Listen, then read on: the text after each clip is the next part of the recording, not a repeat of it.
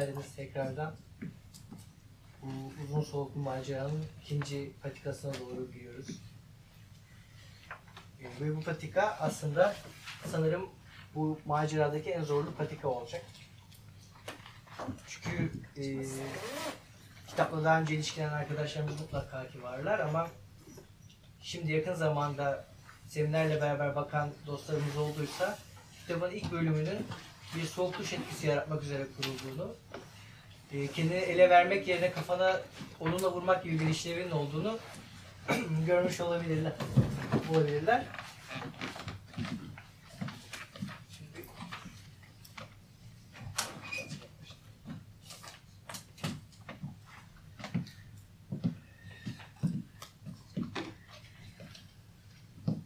Mesela ilginçtir.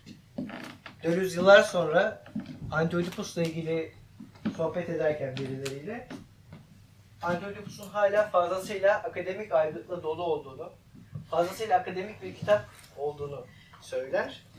Yani Varın, Deleuze'ün yazmak ve akademik olanla olan ilişkisinde akademik olanı nasıl düşündüğünü siz düşünün. Çünkü yani kitap tabii ki de bir sürü referans içeriyor. Dipnotlar içeriyor akademik bir kısmı budur ya referans sistemidir aslında akademi. Sonra bir usluk vardır. Hani ne bileyim Türkçe yazanlar için en azından hani ben kipliğinde çok konuşulmaz düşünüyorum. Kanımca, bence ifadeler özellikle tez düzeyinde makale düzeyinde metinlerde şüpheli ifadelerdi. Genellikle de editörler tarafından reddiyen ifadelerdir. Ama e, Antiochus e, ne diyelim ona üslup bakımından bir kere bu kurallara riayet etmiyor ama tabii ben diyerek falan yolunu göreceğiz içeride. Ama daha önemli ve kritik bir noktası var. E, yol almaya başladığı andan itibaren evet Mar- Marksist akademik literatüre ne diyelim e, yapısalcı akademik literatüre yani bir dizi işte etnoloğa, antropoloğa, dil bilimciye keza hedef tahtasına oturttuğu psikanalistlere referanslar içerse de kendi keşfi olan daha doğrusu kendi keşfi olduğunu kendi keşfi olarak sunduğu şeyleri, kavramları temellendirmede Marx ve Nietzsche, kısmen de Spinoza hariç e, temellendirirken akademik bir literatüre başvurmuyor. Büyük oranda düz anlamıyla şizofrenlere başvuruyor. Yani kliniğe yatmış, çıkmış. Bir kısmı mesela Freud'un dışarıdan yani kendisi orada mevcut olmaksızın analiz ettiği Schroeder'e başvuruyor. Edebiyattaki şizofren yazarlara veya edebiyatında şizofreni üslubunda ya da şizo bir üslupla diyelim yazanlara başvuruyor. Dolayısıyla tezlerin gelişiminin çizgisi akademik olarak kabul edilebilir değil. Yani bir tez yazarken temel referansınızın psikiyatrik kliniğinde yapmış biri olduğunu hayal edin ve tez hocanızla geçecek diyaloğu varın siz düşünün yani Ee, fakat yine de şöyle bir anlamda belki Deleuze bunu düşünmüş olsa gerek. E, kitap çok sistematiktir. Başlar, temel tezlerini geliştirir. Temel tezlerini tırnak içinde sonra ispatlar diyeyim. Yani böyle bir gelişim çizgisi var hakikaten. Fakat sorun işte bu temel tezlerin yapısında. Bir takım şeylerden bahsediyor. Mesela bizim en çok başımızı ağrıtacak yıldızı kavramı yazalım. Arzulama makinesi.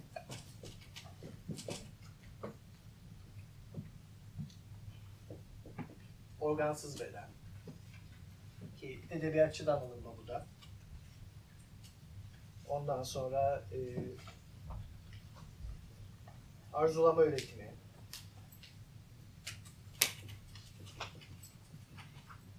Gidiyor böyle daha bir sürü var.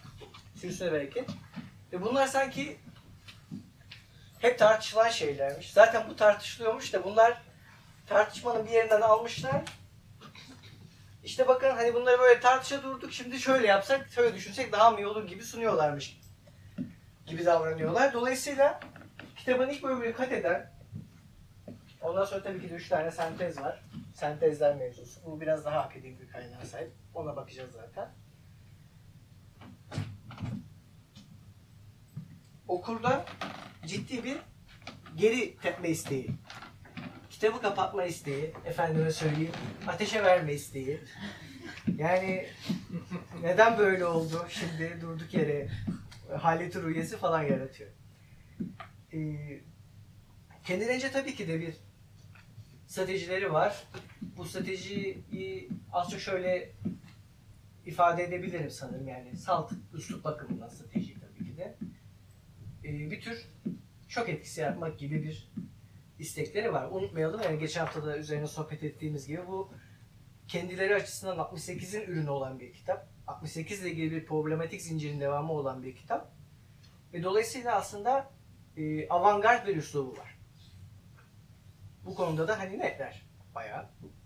Avantgard olma konusunda belli bir avantgardlık ya da öncülük diyelim daha bizim politik literatürdeki dille.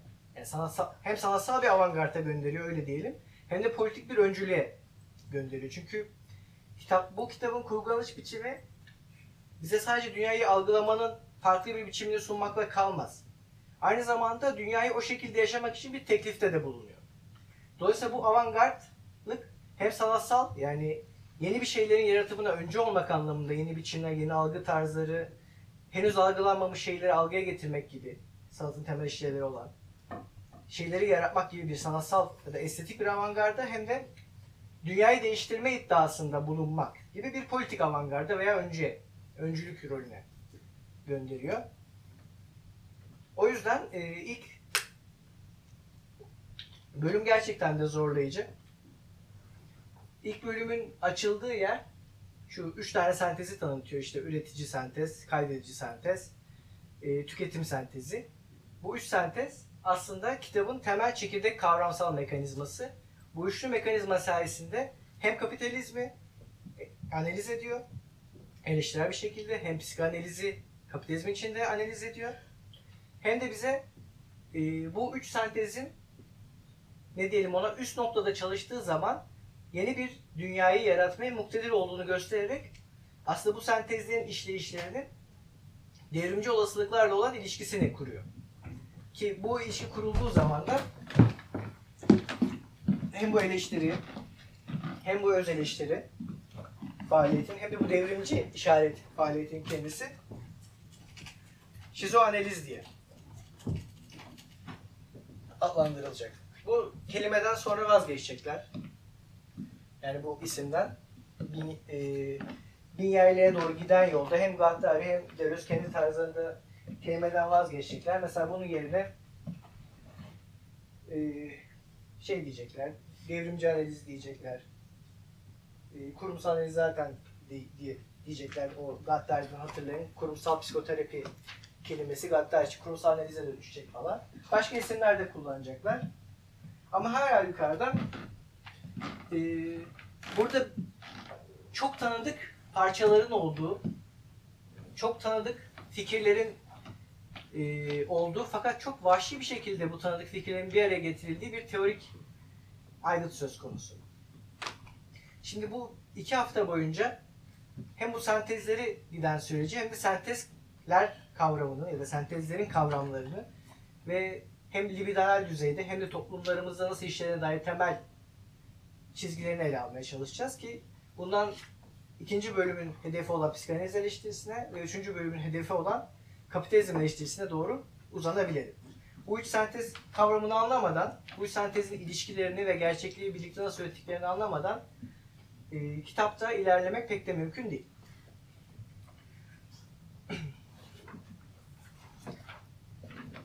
E, bu aslında Deleuze Guattari'nin ana iddiaları diyebileceğimiz bütün kitabı kat eden, bütün kitap boyunca kurulan iddiaları son derece basit ve aslında anlaşılması son derece kolay bence. Hem bir eleştiri hem de yeni bir kavram önerisi olarak sunuluyor. Birincisi arzu kavramı ile ilgili. Bilindiği gibi Platon'dan beri az çok belki Hindu dinsel gelenekleri de bunun içine dahil edilebilir. Arzu. Bazen şöyle rastlayabilirsiniz. Özellikle Platon, Platon'da iştah, istek. Zaman zaman tam doğru çevirisi olmasa da will de çünkü böyle çevrilebiliyor. İstenç. Kelimesiyle karşılaşabileceğiniz bütün bir Batı klasikleri dizisi. Arzuyu eksiklikle tanımlar. Yani bu bir tür batıda düşünmenin, aslında doğuda da düşünmenin, yani batı doğu diye bölmeyelim. Sadece bir felsefe geleneği söz konusu değil. Bütün dinsel gelenekler bence söz konusu. Arzuyu düşünmenin sağduyusu veya ortak duyusu gibi bir şey bu. Bir arzu daima eksik olana duyulan şeydir. Ortada bir arzunun, bir iştahın olması için tıpkı e, acıktığımızda yemek yemek istememiz gibi bir şeylerin eksik olması gerekir. Dezogattari bunun yerine eksiklik olmayan tam veya yaratıcı bir arzu kavramı öneriyor. İkinci temel tez şu özellikle yaratıcılık fikriyle ilişkili olarak bilinç dışına dair tezleri.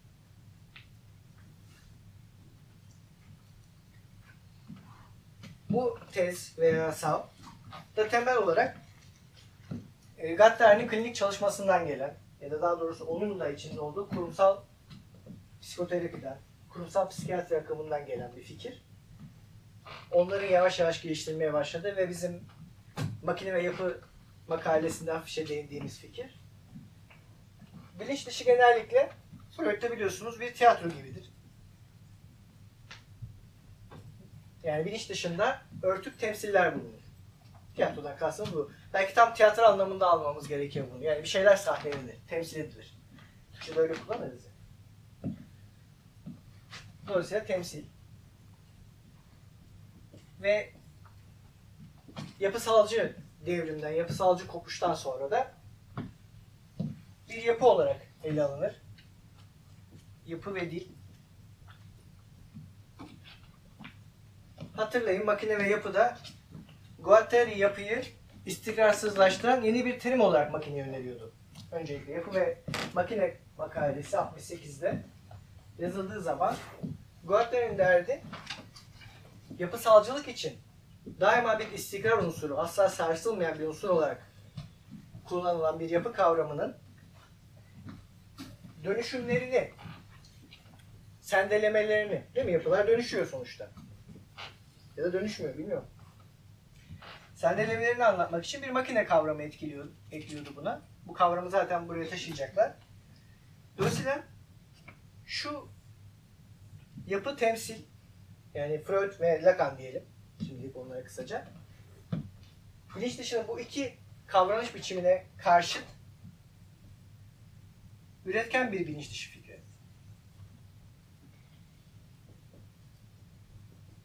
Fabrika modeli.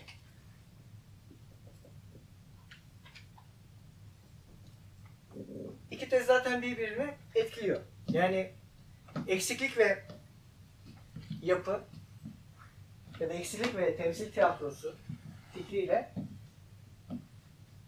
yaratıcı bir arzu ve fabrika modelli bir bilinç dışı fikri birbirine böyle zaten seziyoruz ki birazcık evet bir şeyler anlatıyor. Yani arzu diye bir şey var. Bu yaratıcı bir etkinlik diyorlar. Ve bunun ürettiği şey de fabrika modelli bir bilinç dışı. Bunları zaten seminer boyunca açacağız. Sadece temel tezleri şöyle bir sergiliyorum. Etrafına dolanalım diye. Ve son olarak da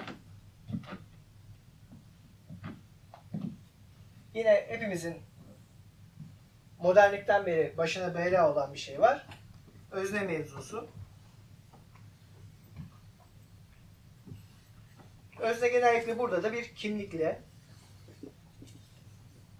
ya da bir özdeşlikle ikisi de zaten e, yabancı dillerde aynı kelime identity tanımlanıyordu. Yine bunda tutarlı bir çerçevede artık ona öznellik diyeceğiz. Özne de demeyeceğiz. Diyeceğiz gerçi özne de. Aşmayla dönüşümle veya özdeşsizlikle diyelim. Dis identity ile tanımlanan bir öznellik kavramı. Yine aslında ikisi arasında, ikisine baktıktan sonra üçüncü arasında çağrışımsal bir gereklilik var gibi. Çünkü yapı özneleri sabitler. Bu yapısalcının değil mi, temel şeyi. İnsan bedenleri belli konuları işgal ettikçe belli özneler haline gelir. Yani belli kimlikler edinirler. Değil mi? Buna bilinçli veya bilinçsiz süreçler. Şu an bu derdimiz yani. Temel motifleri görmek açısından bunlar çok önemli şeyler değil.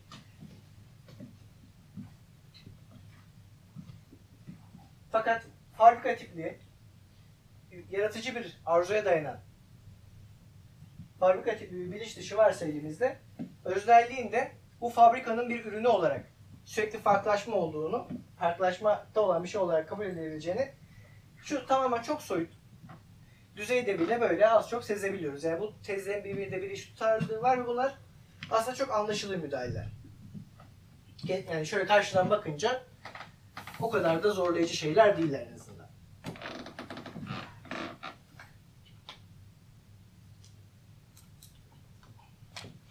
Şimdi dolayısıyla Antiochus'un e, psikanalizde iki tür eleştirisi, iki tür eleştirel bağı var. Birinci yönü içsel eleştiri diyebileceğimiz şey. Psikanalizin bütün bu kavramları yani arzuyu, bilinç dışını ve özneyi yanlış anladığı, onların işleyiş biçimini, dünyayı yapma tarzını ya da dünyada olma biçimlerini yanlış anladı. Dolayısıyla psikanaliz en başta bunu kaçırdı. Bu içsel eleştiri diyebileceğimiz bir şey. Bir de dışsal bir eleştiri var. O da hepimiz için daha e, aşikar da bir bağ. Psikanaliz ile kapitalizm arasında, sermaye arasında ve bütün geleceğilik biçimler arasında bir ittifak, bir gereklilik ilişkisi hatta diyecekler. Yani psikanalizi kapitalizmin doğal bir ürünü olarak görecekler. Tıpkı bugünkü çekirdek aile, işte hastane ve diğer kapatma kurumları gibi. Bir gereklilik ilişkisi var. Yani bu zeminde doğacak olan her tür psişik her tür psişe dair, insan ruhuna dair, insan dünya ilişki kurma tarzına dair bütün teorileri sermayeye sadık kaldığı sürece psikanaliz gibi bir şey benzeyeceği iddiası var. Seminerimiz burada bitti. Hoş geldiniz. O kadarıyla. Sağ olun, var olun. Evet, ya tabii ki de bu fikirler çok basit yani ve bu fikirlerin ar- arkasında işleyen mekanizma işte çok karmaşık. Yani çok grotesk hatta neredeyse bir mekanizma var. Şimdi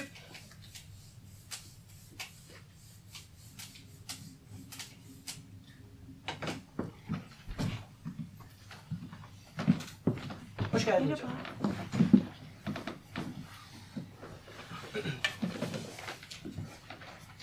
Şimdi daha kitabı yerli yerine oturtalım ve onu yine nasıl diyelim Batı düşüncesinin tarihinde ortaya çıkma eğiliminde olan bir dizi radikal eleştiriyle eşleştirelim. Bu fikir tabii ki de önce Marx'ta doğmuş bir fikir. Onu anlatacağım. Ee, ve Deleuze de yaptıkları işi böyle anlatıyor. Şimdi Türkçe'ye çevrilmiş şöyle bir kitap var. Çevirisi çok başarılı değil. Ama bulabilirseniz baskısını bulması da zor. Belki pdf'si vardır. Okuyun. Kapitalizm ve Şizofreni ismini taşıyan Araf yayınlarından çıkmış bir kitap bu. Bu Gilles Deleuze'ün Antiochus yazılırken yani 71'de başladığı ve buradakiler nereye kadar uzanıyor bilmiyorum. Hepsi yok burada. 79'a kadar süren Antiochus ve Binya ile dersler olarak sınıflandırılan derslerinin bir seçkisi. Yani Türkçesi çok başarılı değil dediğim gibi. Bazı terimler gerçekten çok yanlış çevrilmiş. Mesela Mesela Foucault'un kitabı Sözcükler ve Şeyler diye çevirmiş ama o zaman daha kitap yoktu Türkçe'de belki de. Ee, ama yine de okunabilir. İngilizceleri var bu derslerin, Fransızcası da var. Hepsi de webdelöz.com'da. Orta mıydı? Com'da. Bu çok faydalı kaynağı size takdim edeyim bu arada. Com ya da org olabilir arkadaşlar. Web Deleuze, e, Deleuze'ün öğrencilerinden ve müzisyen de olan Richard Pinaz'ın, Pina nasıl okunuyorsa artık Fransızca ismi, kurduğu bir site. Burada Deleuze'ün şimdiye kadar metinleştirilebilmiş olan bütün dersleri okumaya açık bir şekilde var. Fransızcaları var, İngilizceleri var, İtalyancaları var. Kendi reklamını da yapmak gibi olmasın. Ama şu da benim sitem. Burada da ben Deleuze'ün dersini Türkçe'ye çevirmeye başladım açık bir şekilde. Çeviri sürecine de müdahale edebiliyorsunuz. Yani şunu şöyle mi yapsak, bunu böyle mi yapsak gibi yorumlara, katkılara açık formları falan var içinde. Kıyas metinleri var falan filan. Bakarsınız ilginizi çekerse. Ben de burada Deleuze'ün lise öğretmeniyken verdiği dersleri çevirmeye başladım. Temellendirme nedir diye dersleri.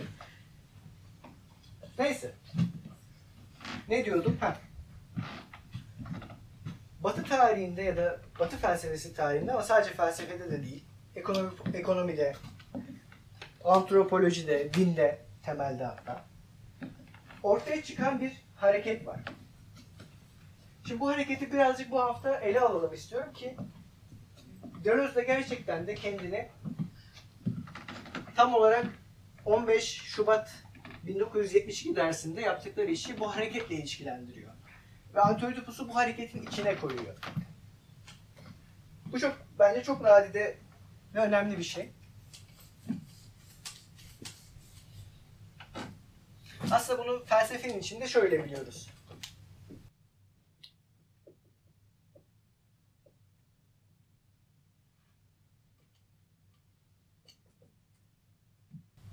Yani Descartes'ten beri başlayan bir felsefe geleneğinin yüzünü dış dünyadan özneye döndüğünü, bu hepimizde artık sağduyusu olmuş bir temel dönüş.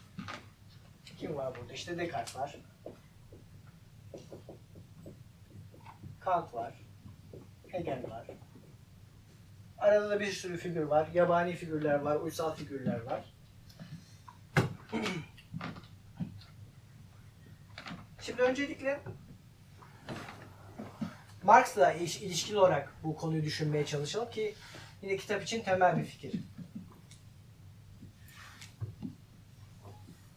Ekonomik politik denen şey yani Adam Smith ve Ricardo'nun kurucusu olduğunu bildiğimiz ekonomi ya da insanların alışveriş ilişkilerini diyelim inceleyen sistemli bir şekilde bilim dalının e, temel buluşu nedir diye soruyor Marx kendine.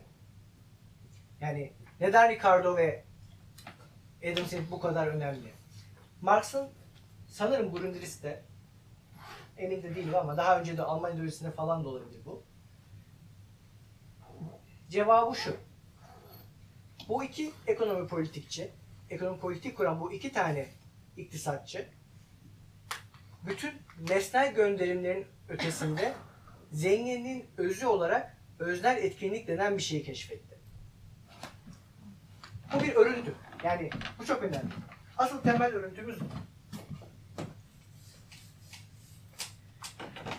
Kapitalizmle beraber değil mi? Zenginlik denen şey bir problem haline geliyor. Daha önce zenginlik bir problem değil. Ya da bizim ele aldığımız şekilde bir problem değil. Özünün nasıl üretildiği problem değil.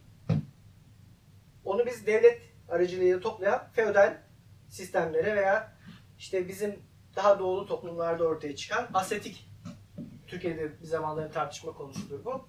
Asetik sistemlere sahiptik. Yani zenginliğin özünü problem etmiyorduk çünkü kafa gözlere yara insanların elinden topluyorduk zaten. Vergi olarak topluyorduk, haraç olarak topluyorduk, savaşta bir yerde işgal edip topluyorduk. Zenginliğin nasıl olup da üretildiği sorusunu sormuyorduk kendimize çünkü o bizim topladığımız bir şeyler. Biz derken biz değil. Biz o dönem o çağda yaşasaydık kafamızın gözü yarılan köylü olurduk yani bu talihsiz yaşam çizgisiyle. Yani biz derken kendinizi düşünmeyin. en azından ben kendimi düşünemiyorum. bir problem var. Zenginliğin özü. Tartışacağız. Başka problemler de buna benzer çizgiler izleyecek. Zenginliğin özü diye bir şey var. Zenginliğin özü. Zenginliğin üretimi. Zenginliği kim üretir? Bir adet fizyokrat cevabımız var. Ekonomi politikten önce. Ne, ne diyorlar? Zenginliği toprak üretir. Tarımsal etkinlik değil. Bakın toprak üretir. etkinlik kelimesi yok. Var ama hayaletimsi. Zenginliğin kaynağı toprağa bağlıdır. Nesnel bir hareket. Nesnel bir şey var. Zenginliğin özünün gönderildiği nesnel bir gönderge noktası var. Toprak. Nesnel diye değil. Bir tane daha cevabımız var onlardan önce. Merkantilistler var. Daha ticari bu feodalizmin böyle geçiş evresi gibi görünebilirse bu da daha ticari bir kapitalizmle ilişkili. Zaten aslında bunlar aralarda gelmiyorlar. Bir arada birbirleriyle kavga ediyorlar bu arada. Yanlış bilgi yaratmayın. Onlar da diyorlar ki devlet. Zenginliğin kaynağı devlettir. Devlet denen bir şey var.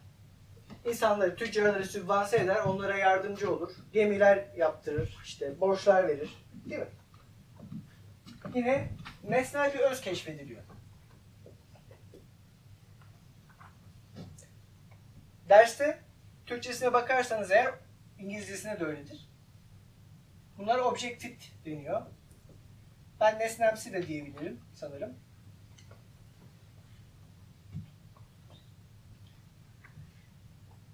Böyle cevaplar var elimizde. Ekonomi politik ne diyecek bize? Hayır diyecek ya. Bunlar zenginliği üretmez. Zenginliğin olması için bunlar olmazsa olmazdır. Yani toprak olmazsa gıdamız olmaz. Devlet olmazsa özel mülkiyeti koruyacak kimse olmaz. Bunlar olmazsa zenginlik olmaz. Ama zenginliğin özü bunlar değil. Bunlar zenginlik için koşullar. Zenginliğin özü ne? İşte büyük buluş bu. Emek. Zenginliğin özü emektir. Bu liberal teoridir temelde. Yani zenginliğin özünün emek olduğu fikri lok, loka kadar geri götürülebilecek bir fikir. İnsanlar çalışır, çalışma sayesinde değil mi? Ürettikleri ürünün mülk sahibi olurlar. Mülk edinirler. Bir yeri çitlemek demek, orada çalışmak, orayı çalıştırmak demektir. Liberalizmin içinde birinin bir yerin kimin mülkü olacağı tartışması büyük bir tartışmadır. Çünkü sömürgecilik faaliyetleri var. Locke, Hobbes düşünün. O, o dönemde coğrafi keşifler falan da var. İngiliz Hindistan sanırım sömürgeci şirketi var ama şirket dediği uluslararası bir devlet gibi davranan tuhaf da bir şirket. Çoğu da hatta Locke da sanırım hissedarlarından biri. Öyle de bir bağlantı var aralarında. Neyse. Dolayısıyla gidip bir yerlerde Afrika'da, Amerika'da daha çok çitleyip burası şirketin malıdır diyorlar. Birinin bunları tutup meşrulaştırması lazım. Aslında böyle bir bağlantı var. Yani hangi hakla sen burası burada bir grup yerli insan yaşarken benim diyebiliyorsun. Yok diyecek ki onlar orayı işlemiyorlardı, şirket burayı işliyor işte. Bu boş boş yatıyordu doğal kaynak. Şirket geldi, buğday oldu, şirket geldi, çikolata oldu. Neyse artık o dönem ne üretiyorlarsa ipek oldu. Dolayısıyla bakın emek kavramının doğuşu, tabii başka daha önce de emek kavramı diye bir şey var da problem değil. Emek kavramının bizim tartıştığımız anlamda emek kavramının öznel etkinlik olarak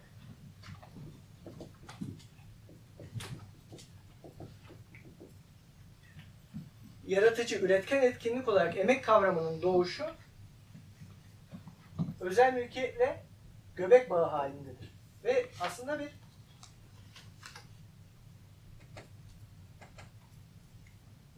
meşrulaştırma aracı olarak doğmuş bir kavram. Aramızda kelimeler ve şeylerle temasta bulunan insanlar olduysa bu birazcık Foucault'cu bir ders gibi olacak. Çünkü Foucault'un kelimeler ve şeylerde de gösterdiği şeyler bu arada bunlar. Yani bazı fikirlerin nasıl olup da birilerinin aklına gelebildiği ile ilgili bir mesele var burada. Değil mi? Foucault buna mesela? Kafamız karışmaz umarım ama epistemeler.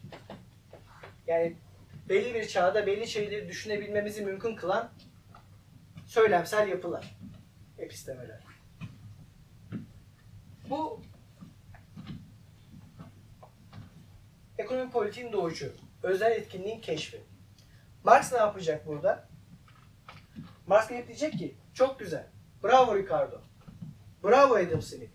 Sayenizde özel, özel etkinlik olarak zenginliğin özünü keşfettiniz. Bravo ama siz halt ettiniz kusura bakmayın da yani bir tutam, bir e, neyse inciri berbat ettiniz. Çünkü özel etkinliği aldınız, hemen onu özel mülkiyete bağladınız.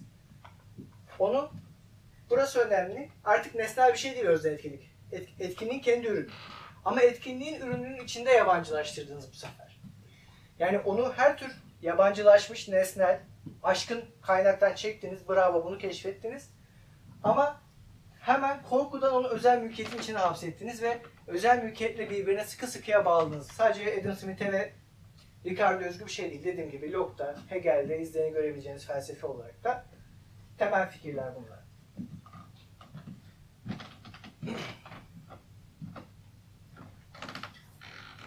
Ve ilginçtir. Marx'ın burada kullandığı bir karşılaştırma var. Bu arada e, bu aynı zamanda neden Dezugatlerinin Marksist olduğunu da bize açıklayacak noktalardan birisi. Hangi anlamda Marksist olduklarını ya da. Bu evet ekonomi politik meselesi. Marx'a bunu ilginç bir figürle kıyaslıyor. Yani Adam Smith'le Ricardo'yu çok ilginç bir figürle kıyaslıyor. Luther'le. Yani Alman protestanlığının kurucusuyla. Şimdi duruma tekrar bakalım. Ne olabilir Luther'den önce nesnemsiler, yani objektifler, ya da inançla ilgili? Problemimiz artık inanç. İnançla ilgili nesnel göndergeler ne var olabilir? Katolik kilisesinde ne var? Luther'in çok gıcık olduğu şey bu var. Bu var. Yani etkili bir kurumsal örgütlenme var. Günah çıkarma ayini var değil mi? Günah çıkarmada kimse size samimiyetini sorgulamaz. Foucault'un yine başka bir bağlamda değişeceği konulardır bunlar. Artık kelimeler ve şeyler değil ama. Mesele günah çıkartıyor olmanızdır. Rahibe bunu itiraf etmenizdir. Yani gerçekten samimisiniz, pişman mısınız mi? Böyle şeyler hiç umurlarında değil kimsenin. Kilise daha önce böyle bir organizma. Siz yeter ki iman bağınızı sergileyin. Yani doğru nesnel göstergelere sahip olun. Haftada bir gidin günahınızı çıkartın. Pazar günü kilisede bulunun. İşte geyi, önünü geyiği canlandırmak pahasına cennetten kendinize arsa alın. Kiliseye bağışta bulunun. Bu durumda inanç problemi yok. Ya bunları yapıyorsanız inanıyorsunuzdur. Lutherci çığlık ne? E kardeşim halt ediyoruz. Yani bu ne? Bu ne şimdi yani? Bu inanç mı? İnanmak mı? Evet. Luther diyecek ki asıl olan şey içsel imandır. Öznel olan. içeriden duyduğumuz bağlılıktır Tanrı'ya. Hepimiz bir rahibiz. Rahipler de özel bir sınıf olamaz. Papazlar olamaz. Bunlar olabilecek şeyler değil. Samimi bir şekilde İncil'in kelamına iman eden herkes rahiptir. Herkesin o kitabı yorumlama hakkı vardır. Bakın bir hak sorusu olarak soruluyor. Pratik sorusu olarak değil. Bir hak sorusu olarak sorulduğunda gerçek ve samimi imanla İncil'e bağlı olan herkesin İncil'i yorumlamaya hakkı var. İman nesnel kurumlar, nesnel göndergelerle var olan bir şey değil. İman öznel bir etkinlik, hayat boyu süren öznel bir etkinlik.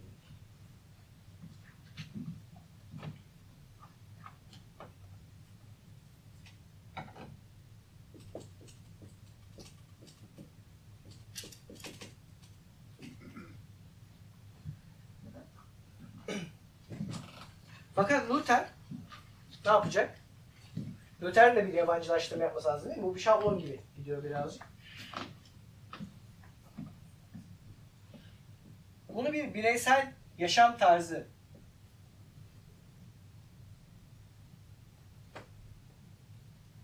ne diyelim ona?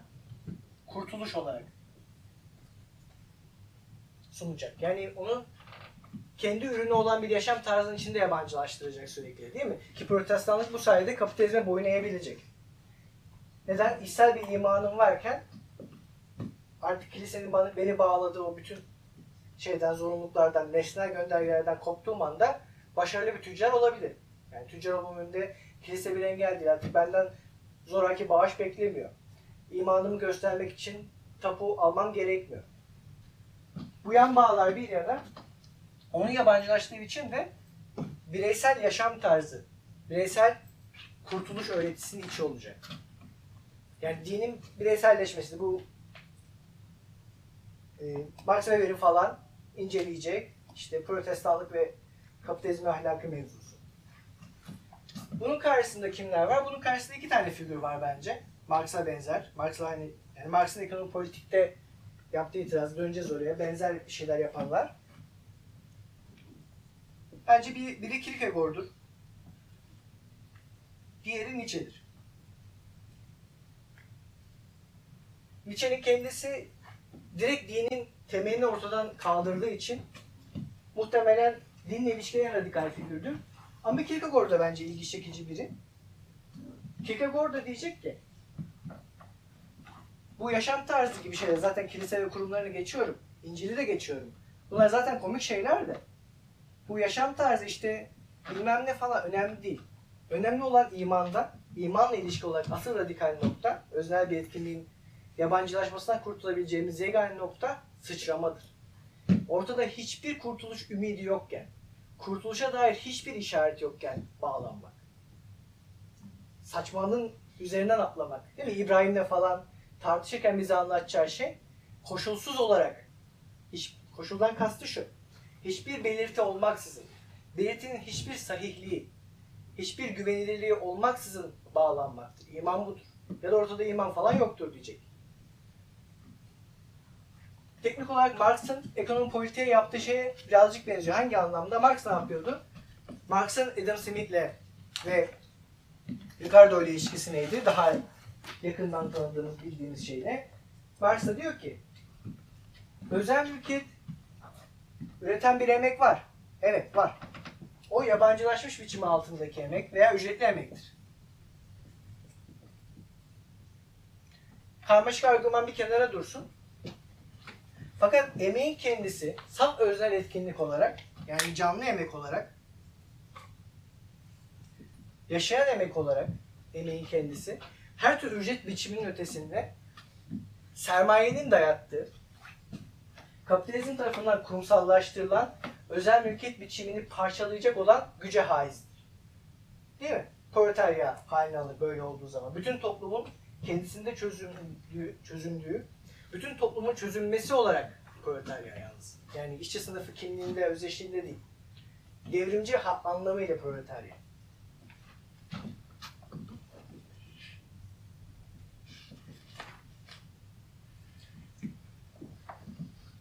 Bu bağlar ilginç bağlar gerçekten. Yani bir şekilde kapitalizm dünyamızda zuhur ettikten sonra düşüncemizi etkileyen hep iki yönlü bir hareket var. Diğeriyle kapitalizmden önceki toplumlarda görülmemiş bir şeyi keşfetme hali var. Felsefedeki karşılığına da bakacağız birazdan. Kant ve öznel ilk felsefelerine bakacağız en azından. Fakat bir o hareketi keşfediyoruz ama o hareketi her seferinde bizim dünyamızı yıkmayacak şekilde organize etmenin bir yolunu arıyoruz. Artık nesnel göndergelerle yapmıyoruz bunu. Yani toprakla yapmıyoruz, devletle yapmıyoruz basitçe.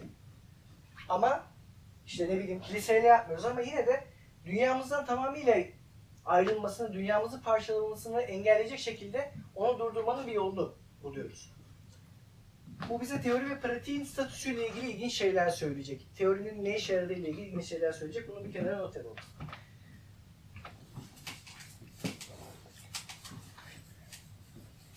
Şimdi gelelim biraz da felsefeye. Felsefede ne oldu? Aslında bütün bu hareketleri koşullayan da belki felsefedeki ilk buluşlardı. Çünkü filozoflar tırnak içinde daha önce geldiler bu konuda.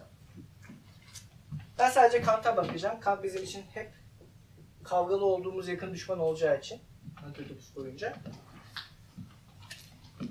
Kant'tan önce ne var? Antik Yunan dünyası var. Antik Yunan dünyası nasıl bir dünya? Daha önce birazcık geçen seneki yeni materyalizm seminerinde değiştiğimiz bir konuydu bu.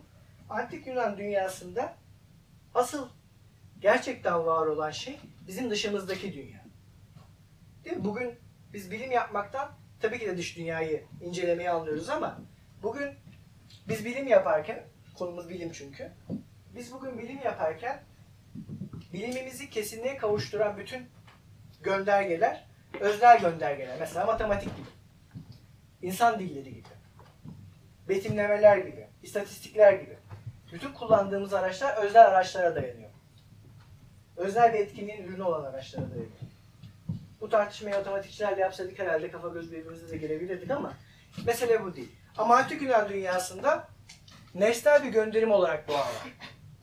Bilgimizin kesinliğinin, bilgimizin evrenselliğinin, tümelliğinin kaynağı dışsal bir gönderimle, doğayla anlam buluyor. Bu doğanın içinde tümeller var. Tümelleri temaşa ediyoruz. Etkinlik bu. Yapabildiğimiz tek etkinlik. Bu temaşa bizi hakikate götürüyor. Yani öznel bir şey yok burada. Yani Aristoteles'in ve Platon'un dünyasında öznellik gibi bir şeyin oluşması zaten çok da mümkün değil bilgi açısından. Başka tür öznellikler, kendilik pratikleri, estetik pratikler olarak varlar. Ama bilgi açısından yoklar. Kant'a gelene kadar ne oluyordu bu dünya ortadan kayboluyor? Şöyle bir şey. Bir çılgınlık hali var arada. Bu nesnel gönderim sistemi çözülüyor, çöküyor. Bunu çok iyi biliyoruz. Bugün Rönesans dediğimiz şey oluyor aslında. Rönesans'ta ne oluyor? Doğa bir anda, bir anda değil de yavaş yavaş belki alttan alta giden akımlar birleşiyorlar. Ve artık karşımıza uslu durmayan, sürekli elimizin altından kayan canavarca bir şey olarak açılıyor. Yani Rönesans dünyası e, yeniliklere sürekli olarak gebe ve eski ne diyelim gönderim sisteminin çözüldüğü bir dünya. Kant geliyor sonrasında. Kopernik devrimiyle beraber.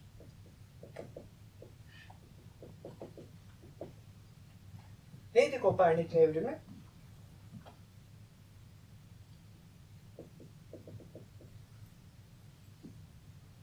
Antikler için dünya var. Evrenin merkezinde işte güneş var. Ay var. Başka gezegenler var. Yıldızlar var. Burası dünya merkezi ya da yeryüzü merkezli bir evren tasavvuruna sahip. Kopernik neyle uğraşıyor? Temelde şuna benzer bir şeyle uğraşıyor. Elimizde yavaş yavaş bir matematik oluşmuş durumda. Fakat gök cisimlerinin hareketlerini matematikselleştirmek istediğimiz zaman bu sistem hiçbir işe yaramıyor. O kadar karmaşık sonuçlar veriyor ki. Yani dünyanın merkezine alarak güneş sisteminin hareketlerini hesaplayabiliriz. Hatta bugün süper bilgisayarlara daha da kolay yapılabilir belki. Ama çok karmaşık sonuçlar elde ederiz. Hiçbir kullanışlılığı olmayan, değil mi? Çok ka- karmaşık sonuçlar elde ederiz. Diyor ki Kopernik, ya hani güzel kardeşim şu dünyayı biraz kıyıya mı alsak da, hani güneşi buraya da koysak, hani şunun yerine güneş merkezli mi olsa? Çünkü diyor böyle yaparsak çok daha kolay hesaplayacağız ya bu kadar basit. Buradaki hareket dünyanın merkezden çıkması değil mesele. Bu da çok korkunç bir şey de yani antik dünya için. Asıl korkunçluk burada değil. Şu gevşeklik korkunç bir şey. Yani referans sistemini keyfiyete bağlayan şu tuhaf hareket. Güneş, dünya yerine güneşi alabilir miyiz acaba diyebiliyor olması Kopernik. Kopernik devrimi bununla ilgili bir şey. Bakın öznel bir hareket var burada. Özneye bağlı olarak, özne tarafından seçilen, özne referans sistemini seçiyor. Bu çok yeni bir şey. Nesneleri kendisinde böyle bir referans sistemi var demiyor. Mesela şöyle bir iddiada bulunmuyor. Yani bulunuyor da olabilir de mesele burası değil. Güneş sisteminin merkezinde güneş vardır değil iddiası temelde. Bu, bu da benzer bir şey değil. Vurgu burada değil. Güneş sisteminin merkezine güneşi alırsak daha rahat ölçüm yapabiliriz ve matematiğimiz daha rahat çalışır. Öznenin buna diyebilmesi. Bu Kopernik devrimi. Kant'ın temel problemi şunu temellendirmek. Asıl problem bu. Yani bu hareketi nasıl yapabiliyoruz? Kant şöyle cevap verecek.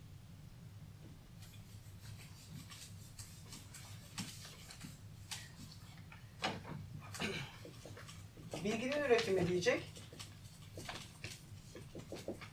Ya, bilimsel anlamda bilgi yalnız. Kimse bizim bir kedinin evdeki varlığını bilmemizle ilgilenmiyor. Yüksek filozoflar dünyasında bu, bu tarz bilgilerin, gündelik bilgilerin bir anlamı yok. Bilimsel anlamda bilginin üretimi öznel bir etkinliktir. Nasıl?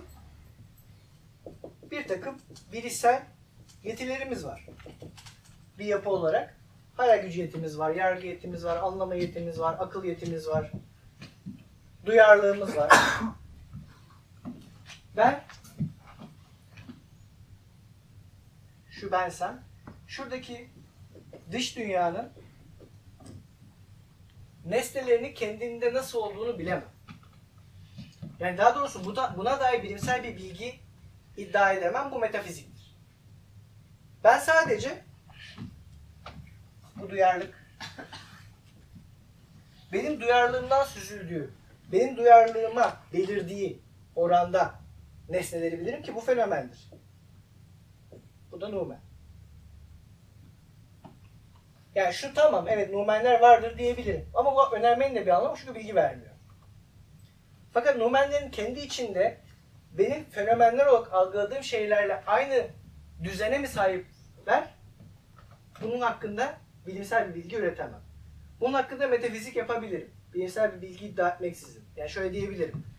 Eğer ki dış dünyanın nesneleri benden bağımsız olarak benim onları algıladığım gibi olmasalardı ben hiçbir şekilde bilgi üretemezdim. Değil mi? Şu masa bir an var bir an yoksa masanın varlığına dair bir bilgim ya da masanın ölçülerine dair bir ufak bir kısalırsa değil mi? Bilgi üretemem. Dolayısıyla bir metafizik önerme olarak masanın varlığı hakkında konuşabilirim. Masanın varlığının ve ölçülerinin benim onlara dair algılarımla aynı olması gerektiğini iddia edebilirim. Bak gerektiğini iddia edebilirim. Ahlaki neredeyse bir önerme bu. Ama bu bilimsel bir bilgi olarak böyledir diyemem. Dolayısıyla ben duyarlılığımdan süzülen fenomenler üzerinde çalışırım. Anlama eğitimdeki kavramları işe koşarım. Ve bu kavramlarla fenomenler arasında bağlantılar kurarım. Bakın Kopernikçi devrim bu. Özden etkinlik denilen şey fenomenler arasında bağlantılar kurma etkinliğidir. Tamamen öznel bir etkinlik, bilme etkinliği. Ama evrenselliğinde öznenin kendisinde bulan bir etkinlik. Yani evrenselliği kaybetmiyoruz, kesinliği kaybetmiyoruz. Nasıl? Bu öznel etkinlik her zeki varlık için böyle. Her zeki varlığın, yani sadece insan değil, her zeki varlığın bilgisayar yapısı evrenseldir. Yani Andromeda galaksisinden bir grup yeşil varlık gelip bizimle kuantum laboratuvarında deney yapmaya kalkarlarsa tamamıyla aynı matematiği konuşabiliyor olmamız gerekir. Yani sembollerimiz farklı olabilir ama ilişki kurma biçimimiz, bilişsel yapılarımız aynı olduğu için evrensel.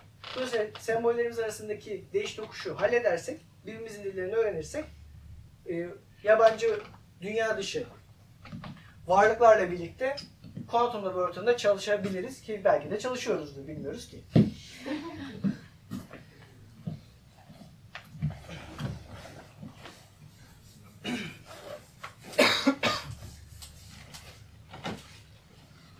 Kant nerede yabancılaştıracak peki? Kant nerede korkacak bu durumdan? Diyecek ki Kant. Ama bu özel etkinlik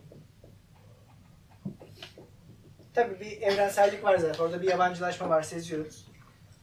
Özel etkinlik bir şeye dayanmak zorunda yoksa zıvanadan çıkar. Nasıl? Öznel etkinlik dediğimiz zaman değil mi? Bir özne var. Kant için var. Bizim için olmayacak. Birazdan göreceğiz de bizim için böyle olmayacak. bir şeyler algıladığımda algılayan bir ben var. Yani şunu diyebiliyorum. Ben masanın varlığını algılıyorum. Düşün bu kogito işte. Düşünüyorum öyleyse varım önermesi gibi. Her düşündüğüm şeye eşlik eden bir ben var. Kogito'daki problem ne? Şöyle bir garantisi yok bu işin. Her düşündüğüm şeyle beraber bu ben değişebilir. Yani her düşüncem yeni bir şeye eşlik ettiğinde düşünüyorum ben yeni bir şeye, yeni bir algı deneyimine eşlik ettiğinde başka bir ben haline gelebilir. Bunun ucu açık. Diyecek ki bunun birliğini sağlayan bir şey olmalı. Bu transandantal ben işte.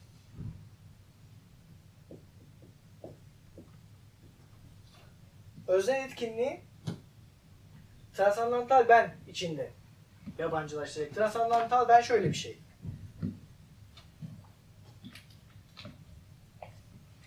Kant argümanıyla söyleyeyim. Safak'ın kritiğindeki. Ben masayı düşünüyorum. Sonra masayı düşündüğüm üzerine düşünüyorum. Sonra masayı düşünen ben üzerine düşünüyorum. Diyecek ki Kant ya bunu düşünce çizgisini sürdürürsek göreceğiz ki aslında bütün düşünen benlere eşlik eden bir başka transandantal ben var. Bu argümanın sonunda. Bu transandantal ben bu bütün ampirik benlere, yani masayı düşünen, biraz kedi seven, yemek yiyen, işte biraz sonra uyuyan, bütün bu ampirik benler çokluğunu birleştiren, bütün hepsini düşünen bir ben olarak transandantal bir ben var. Bu bir yabancılaştırma biçimi. Bu yabancılaşmayı da burada Deleuze kıracak. Kendi Guattari ile yaptıkları işe kadar. Gelen felsefe çalışmasında. Gelelim Antiochus'a. Ya da şöyle diyelim. Şuraya bir hemen yapalım. Modernlik denen şeyin içinde. Kapitalizmle de çok ilişkili bu konu. Bunun ilişkilerini göreceğiz.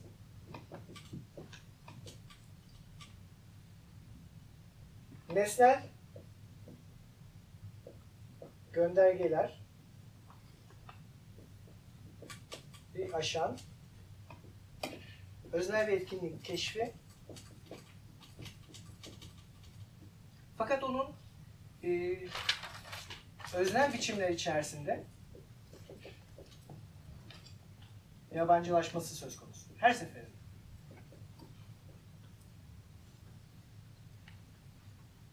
Bu aynı zamanda bir temsil tartışması, teori tartışması. Ona da bu, bu derste, bu seminerde değineceğim. Bu bir şablon gibi. Yani Foucault'un dediği gibi bir episteme bu. Sanki kapitalist toplumlar yaydan fırlayan, çığırından çıkan bir şeyle karşılaşmışlar. Dünyayı değiştiren bir şey bu. Yani dünyayı algılama tarzımızı da değiştiren bir şey bu. Ve fakat ondan sonra korkup onu daha uysal biçimler içinde tabi kılmışlar gibi. Tam olarak böyle aslında. Bu düşüncenin sınırlarıyla ilgili bir tartışma. Yani Androidopus da kendisi de basitçe libidoya dair, psikanaliz eleştirisine dair, hatta kapitalizme dair bir tartışma bile değil. Düşüncenin içkin ve daha doğrusu içsel ve dışsal sınırlarına ilişkin bir tartışma. Yani öyle algılarsak işimiz daha fazla kolaylaşır diye tahmin ediyorum. Yani mesele bu şablonu kıracak olan şeyi bulmak. Heh, dursun bu böyle. Freud'a gelelim şimdi. Marx'ın canlı emeği bulduğunu, Kierkegaard'un sıçrama olarak imanı bulduğunu söylemiştim. Deleuze'ün Kant'a ne yaptığını sonra geleceğim için bırakıyorum bir kenarıya. Freud gelince ne yapıyor? Freud'dan önce de delilikle ilgili bir problem var. Bu yine kelimeler ve şeylerde Foucault'un anlattığı bir hikaye. Deliliğin birçok nesnel göndergesi var.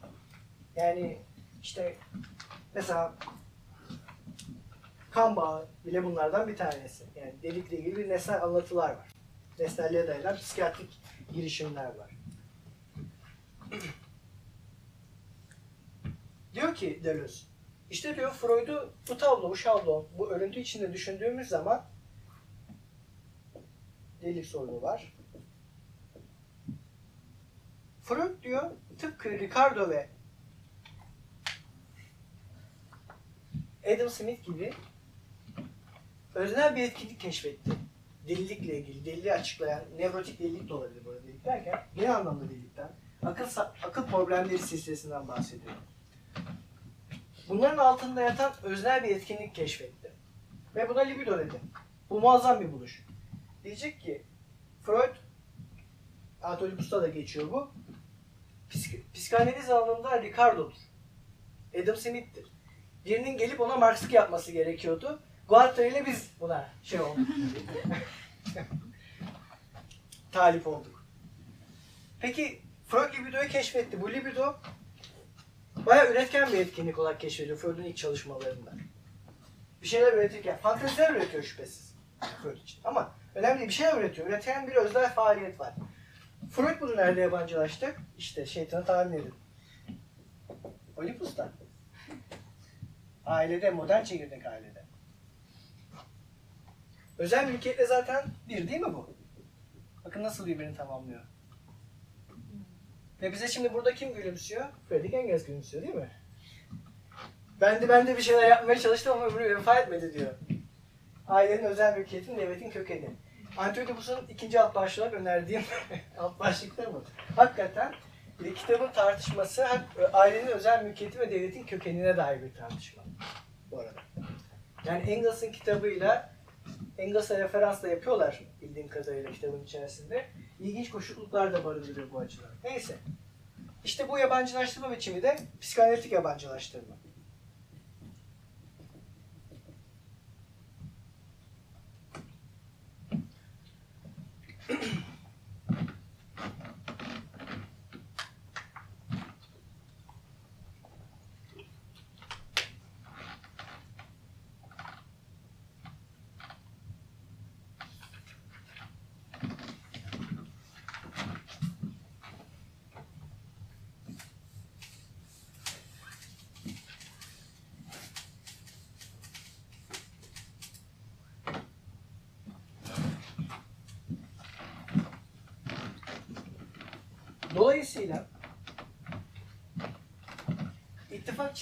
neden şöyle oluştuğunu görebiliyoruz. En yakın dostlarımız kitapta. Kısmen.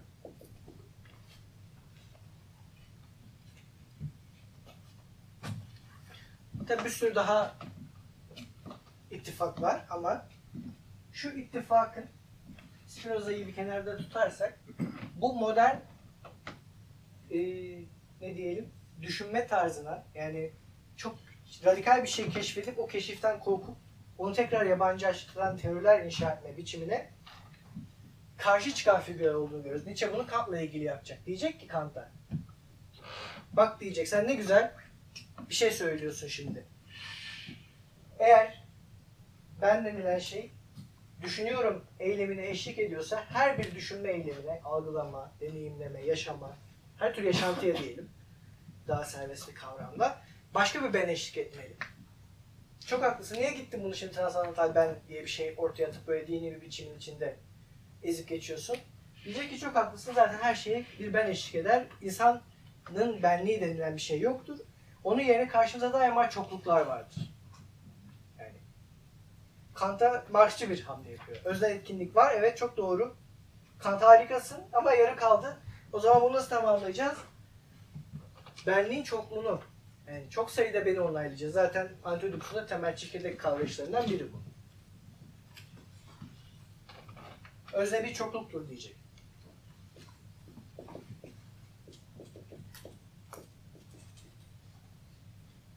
Bir istikrarı, bir kimliği, bir özdeşliği yok. Canlı emek kavramı ve proletarya kavramıyla gelen, değil mi? Burada da bir itiraz var.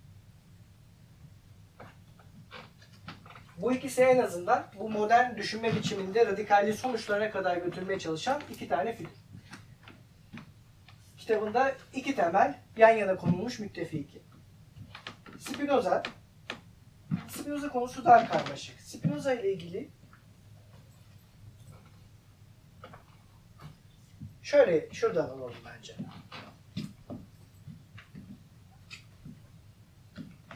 Kitap aslında üç tane çığlıkla çalışıyor. Bu da yine Deleuze'cü bir şekilde yaklaşmaya çalış, çalıştığım bir nokta. Deleuze der ki bir felsefede bir filozofa özgü çığlıklar ve nakaratlar vardır. İkisini birbirinin yerine kullanıyor aslında. Çığlıklar, nakaratlar. Yani bir filozofun felsefi problemlerini ifade eden ne diyelim ifadeler vardır. Bütün eserini kat eden nakaratlar olarak işlerler. Açık açık olmasa bile. Bu çok güzel bir es- yani estetik olarak çok hoş bir görüş ve aslında doğru da. Müttefikler yazalım. Hocam Nietzsche'nin altında ne yazıyor? Sizin altında. Özne bir çokluk. Özne bir çok. Şiir gibi. Özne, özne bir çokluk. bir klasik müzik. Müttefikler ne diyordum? Çığlıklar.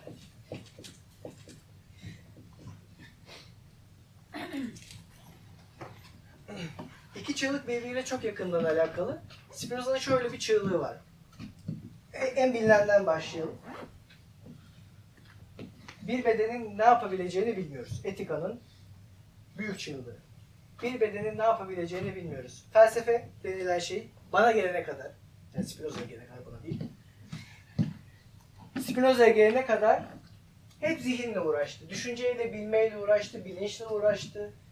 Yani buna ilgin bununla ilişkili onlarca kavram üretti. Yok anlama yetisi yok, hayal gücü yetisi yok, duyarlılık. Bunların hepsi zihinle ilgili kavramlar. Bakın yani en azından şimdi durum değişti tabii ki ama 1900'lere kadar hakikaten 1900'lerin başına kadar felsefe alanındaki büyük ağırlıktaki kavramların kümesi hep zihinle, bilinçle ilgili kavramlar. Spinoza diyor ki bunlarla çok uğraştık ya. Bunlar sıkıcı şeyler. Allah aşkına bir bırakın. Ya tamam. Nasıl bilebildiğimiz önemli bir mevzu.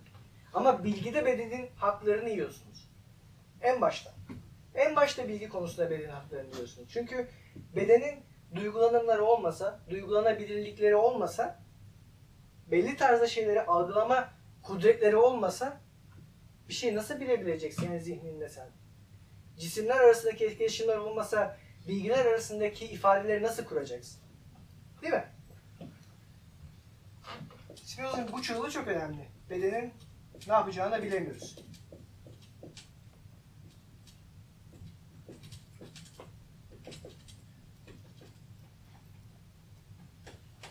Antioidipus bu çığlığın devamı.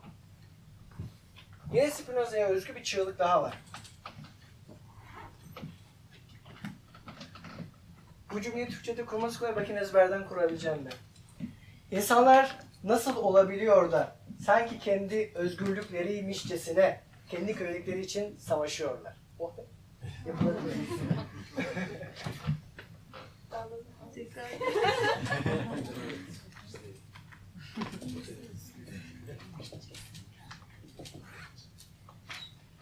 Ama yazamadım ilginç şekilde. Nasıl kısaltacağımı bilemedim.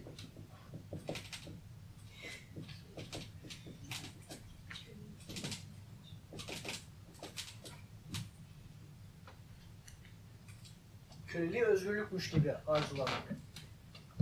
Başkalarının boyunduru altında yaşamaya, başkalarının iradesine tabi olmaya, bunlar devletler, üst sınıflar, neyseler onlar, babalar, her şey olabilir. Olan bu gönüllü kulluk eğilimi. Değil mi o?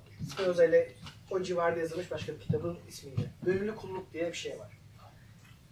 Spinozacı soru. Teolojik ve politik incelemeyi kat eden, sonra da politik incelemeyi başka bir bağlamda yeniden kat eden soru. Üçüncüsü bu ikincisiyle çok yakından ilişkili bir çığlık. Bu daha çağdaş bir psikanalistin çığlığı. Wilhelm Reich yazalım buraya.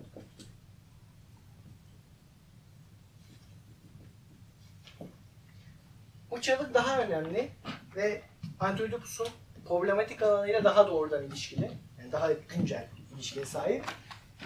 Ee, bu çığlık bir soru formatında değil, e, neredeyse bence bir tiksinti formatında. Diyor ki Reich, insanlar faşizm tarafından aldatılmadı, kandırılmadı. Faşizm insanları büyülemedi. İnsanlar faşizmi arzuladılar, bu kadar basit. İnsanlar o giysileri, o çakı gibi adamlara diyorum tırnak içinde, yani subaylara, Hitler'e, bıyıklara, kaşlara, gözlere aşık oldular. O jilet gibi giyinmiş Hugo Boss mu giydiriyordu? Kim giydiriyordu? Hakkında eminim kimsenin. Hugo Boss'un elimden çıkmış o şeylere bayıldılar. Mesele bu. O parlak binlerce kişilik, yüz binlerce kişilik alanlara bayıldılar. İnsanlar faşizmi arzuladılar.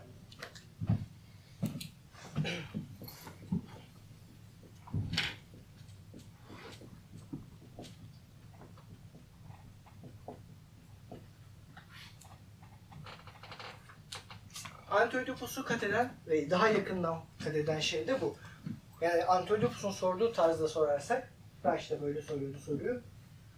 Arzu nasıl olur da kendi bastırılışını arzular? Arzu nasıl olur da yaratıcı bir etkinlik olmayı bırakıp bastırıcı, baskıcı bağlamlara tutunur? Nasıl olur da faşist parti üyesi olur insanlar? Nasıl olur da devrimci olmazlar? Reich'in bununla ilişkili problemi neydi? Yine bir başka çığlık aslında yine için. Diyecekti ki bize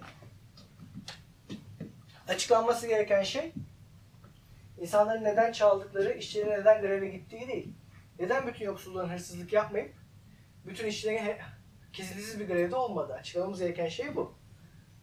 Dolayısıyla Antioidipus'u şu çığlıkları bu müttefiklerle her tür yabancılaştırıcı teorik e, biçimlere karşıt olarak kat edilmiş bir teori kitabı olarak okuyabiliriz. Yani bence en o yüzeydeki temel tezlerin hepsi bu çığlıklar tarafından kat ediliyor ve bu çığlıkları kat ediyor. Ve bu ittifaklarla açılıyor. Bu ittifaklar sayesinde kurulabiliyor. Ama yine de yine de bir şerhle bunun hepsinin de ötesine geçiyor. Antiötipus gibi yani bence bütün felsefe kitaplarında olduğu gibi sadece bir takım düşünürleri, fikirleri ve bir takım problemleri ki bazılarının hazır olduğunu görüyoruz zaten. Alıp birbirine bulaştıran bir eser yok.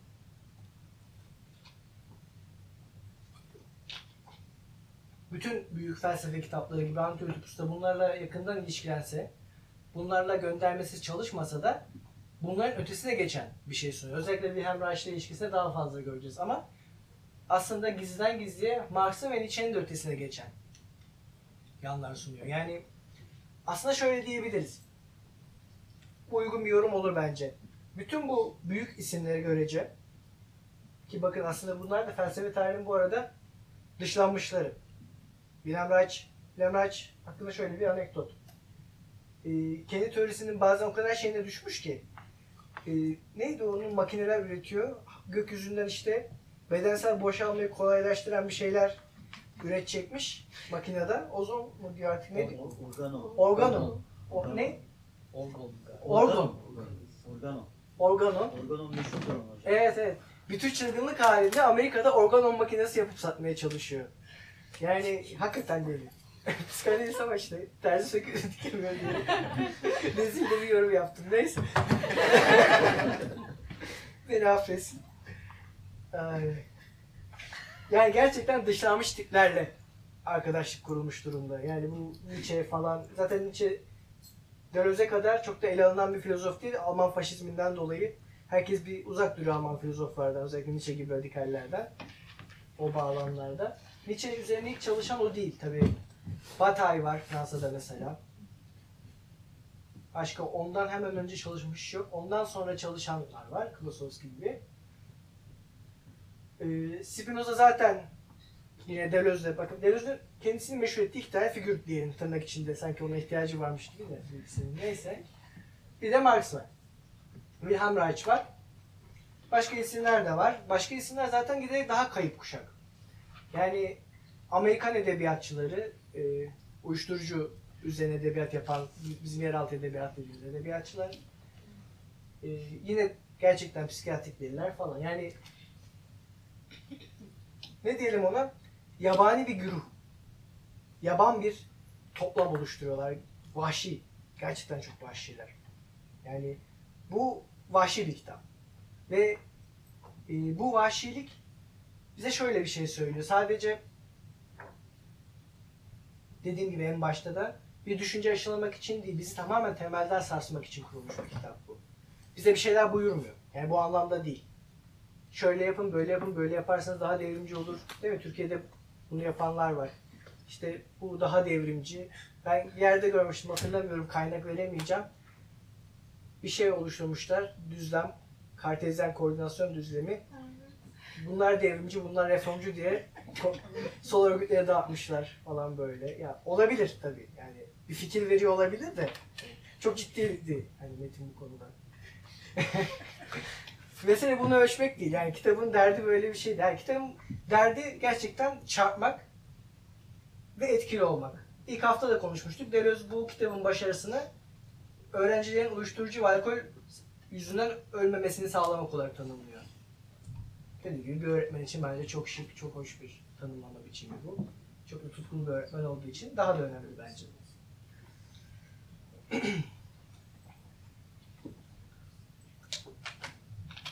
Şimdi son olarak şu asıl meselenin bir parçasını oluşturan şizofreni meselesine değinelim.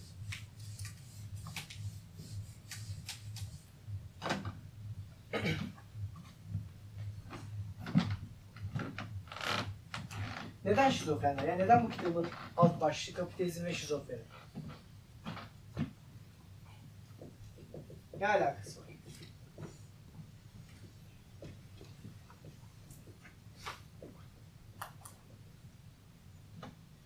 Neden şizofrenler bu kitapta kitabın başlığı olmak olacak kadar ya da alt başlığının bir parçası olacak kadar önemliler?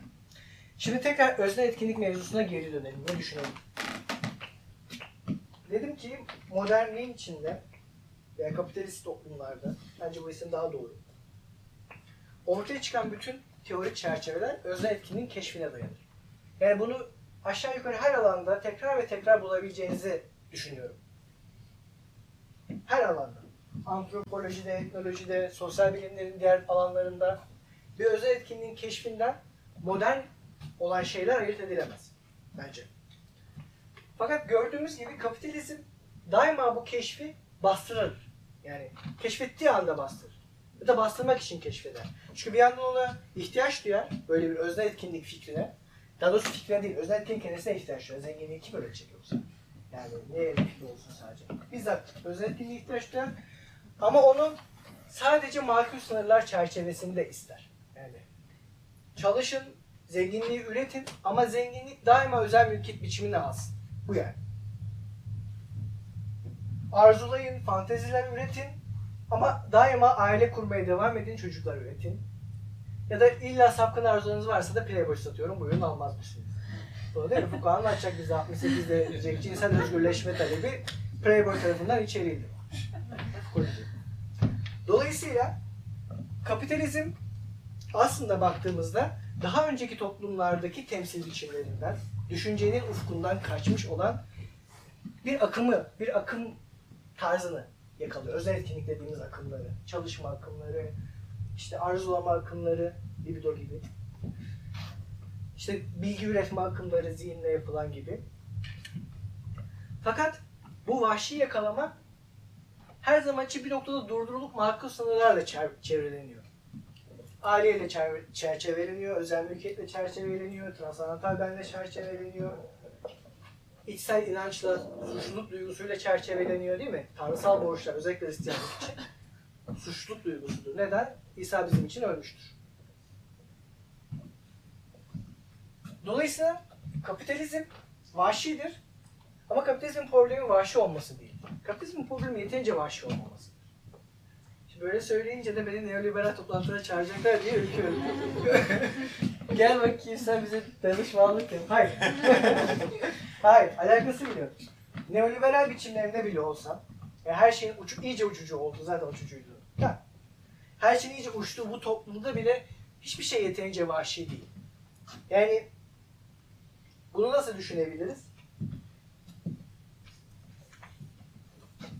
Zararsız, kendi adıma konuşurken rahat olabileceğim bir örnek arıyorum. Aklıma gelen bütün politik mücadele örnekleri riskli de.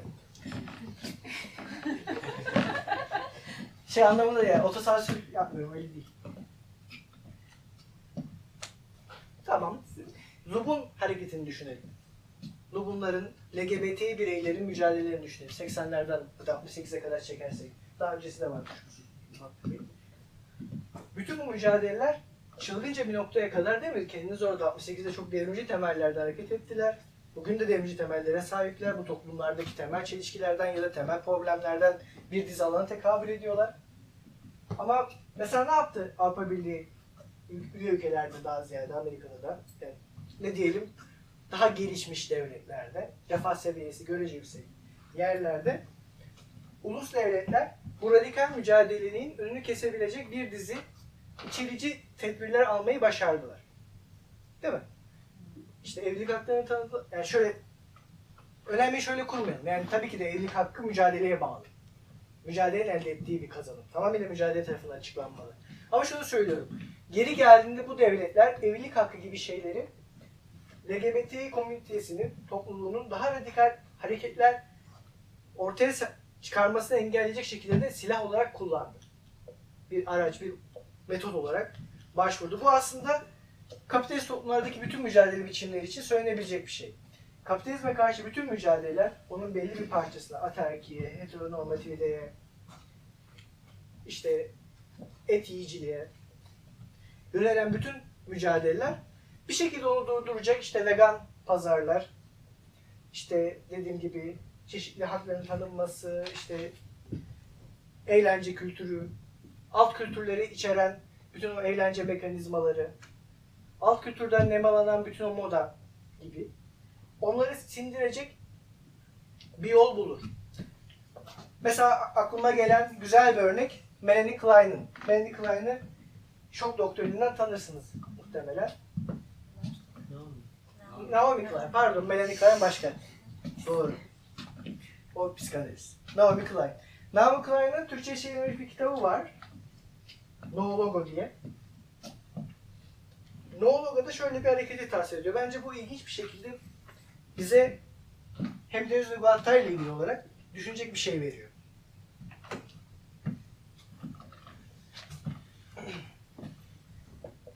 Bir anda diyor feminist bir hareket tarzı var. Neye karşı bu? No Logo bu arada marka süreçleri ve kapitalist pazarın yeni biçimleri üzerine bir kitap çok da güzel. No Logo.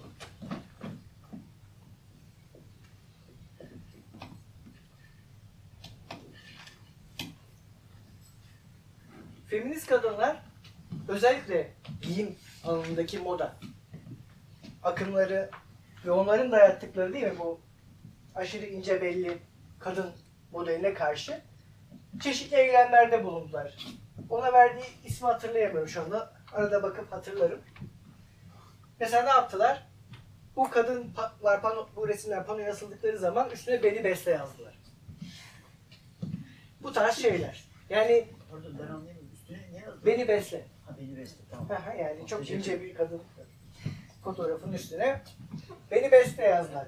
Bu ne diyelim radikal bir kültürel mücadele biçimi olarak gelişti. Yani bunun sınırlarını ve problemlerini konuşmuyorum. Sadece Melike'nin verdiği örneği aktarıyorum. Feministlerin radikal bir kültürel eleştiri pratiği var. Bunu her noktada kullanabiliriz. Yani bir radikal eleştiri pratiği daima vardır. Her yerde bulunur. Her zaman görünmek zorunda değil bize. Peki piyasa ne yaptı? Bu tarz radikal fikirleri alıp kendisi için kullanışlı kullanmanın yolunu buldu. Hatta bugün Melanie Klein yeni örnekleri görseydi mesela işte artık big size mankenler var. Değil mi? Gururla sergi, bunu gu- gururla televizyona taşıyan markalar var. Bunun iyi bir şey veya kötü bir şey olduğunu söylemiyorum. Sadece bir içerme mekanizmasını anlatmaya çalışıyorum. Melanie Klein'in orijinal örneği ise şu. Si- Siyahilerle ilgili bir örnek bu. Moda avcıları denen bir şey var ABD'de. Burada da varlar. Her yerde varlar. Alt kültürün işte içinde gezerek alt kültüre özgü özellikleri beyazlara satıyorlar. Bir şey olarak, bir modaya. Yeni bir moda keşif menbaına dönüştürüyorlar. Bir kaynağına dönüştürüyorlar. Mesela Melanie Klein'in verdiği örnek şu. Bu bizim düşük bel pantolonlar var ya böyle iş çamaşırının yukarıdan görünebildiği. Biz de hani Türkiye'de de rapçiler falan giyerdi sanırım.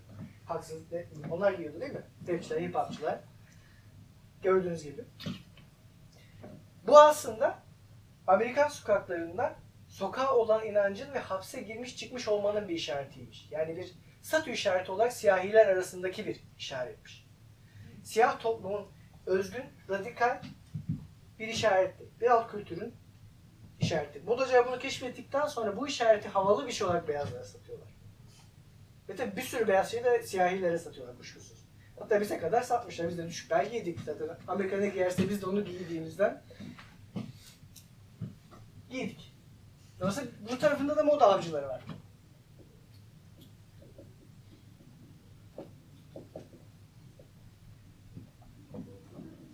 Bu kapitalizmin temel hareketine dair bir şey söylüyor. Bir yanda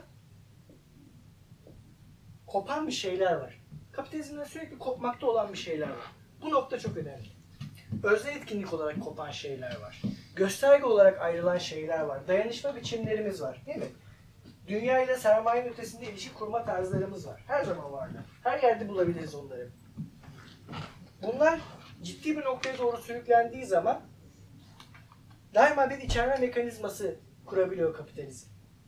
Bu teorik düzeyde işte az önceki özel mülkiyet, transandantal ben gibi şeylere tekabül ederken pratik düzeyde mesela Avrupa Birliği e, koopera- kooperatifler e, teşviki gibi bir şeye te- tekabül edebilir. Kooperatifte özgür bir danışmacı biçimken Avrupa Birliği'nin içinden geçen bütün kooperatif biçimleri piyasa için üretim yapmanın yollarını bulmak zorundalar. Teşvikler öyle alınabiliyor kooperatiflerde. Bunu sömürücülükle ilgili bağları da var da neyse. Şimdi kenarda dursun. Yani radikal olan bir şeyi içeren bir hareket var. Radikalliğe ancak bir sınıra kadar izin veren sonra onu toplumun içinde yeniden kullanmaya, yeniden uyumlu kılmaya iten bir süreç var. Ki bakın bu harekete Deleuze Guattari ne diyecek? Hiç hemen Antioidipus'un kavramları. Yersiz yursuzlaşma diyecek buna.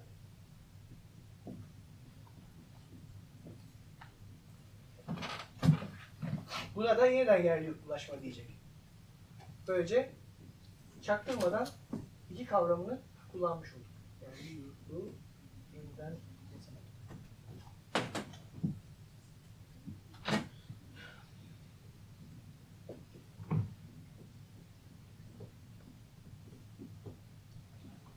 Bu bizim toplumlarımız için çok temel bir hareket. Bunun neden bizim toplumlarımız için çok temel bir hareket olduğu Antioidipus'un 3. bölümünde. Yabanıllar, barbarlar ve modern uygarlar bölümünde açılıyor. Kapitalizmin diğer toplumlardan ne eder mevzusu. Şimdi onu o yüzden oraya bırakarak söylüyorum. Ama bu hareketin temel olduğunu ve bütün devrimci akımların daima bu kopmakta olan pratikler üzerinde doğduğunu, kopmakta olan pratikleri farklı bir noktaya taşıyarak var olduğunu bilmek şu anlık bize yeter. Böyle küçükçe bir yani 20 dakikalık falan bir ara verelim. Sonra tekrar devam edelim.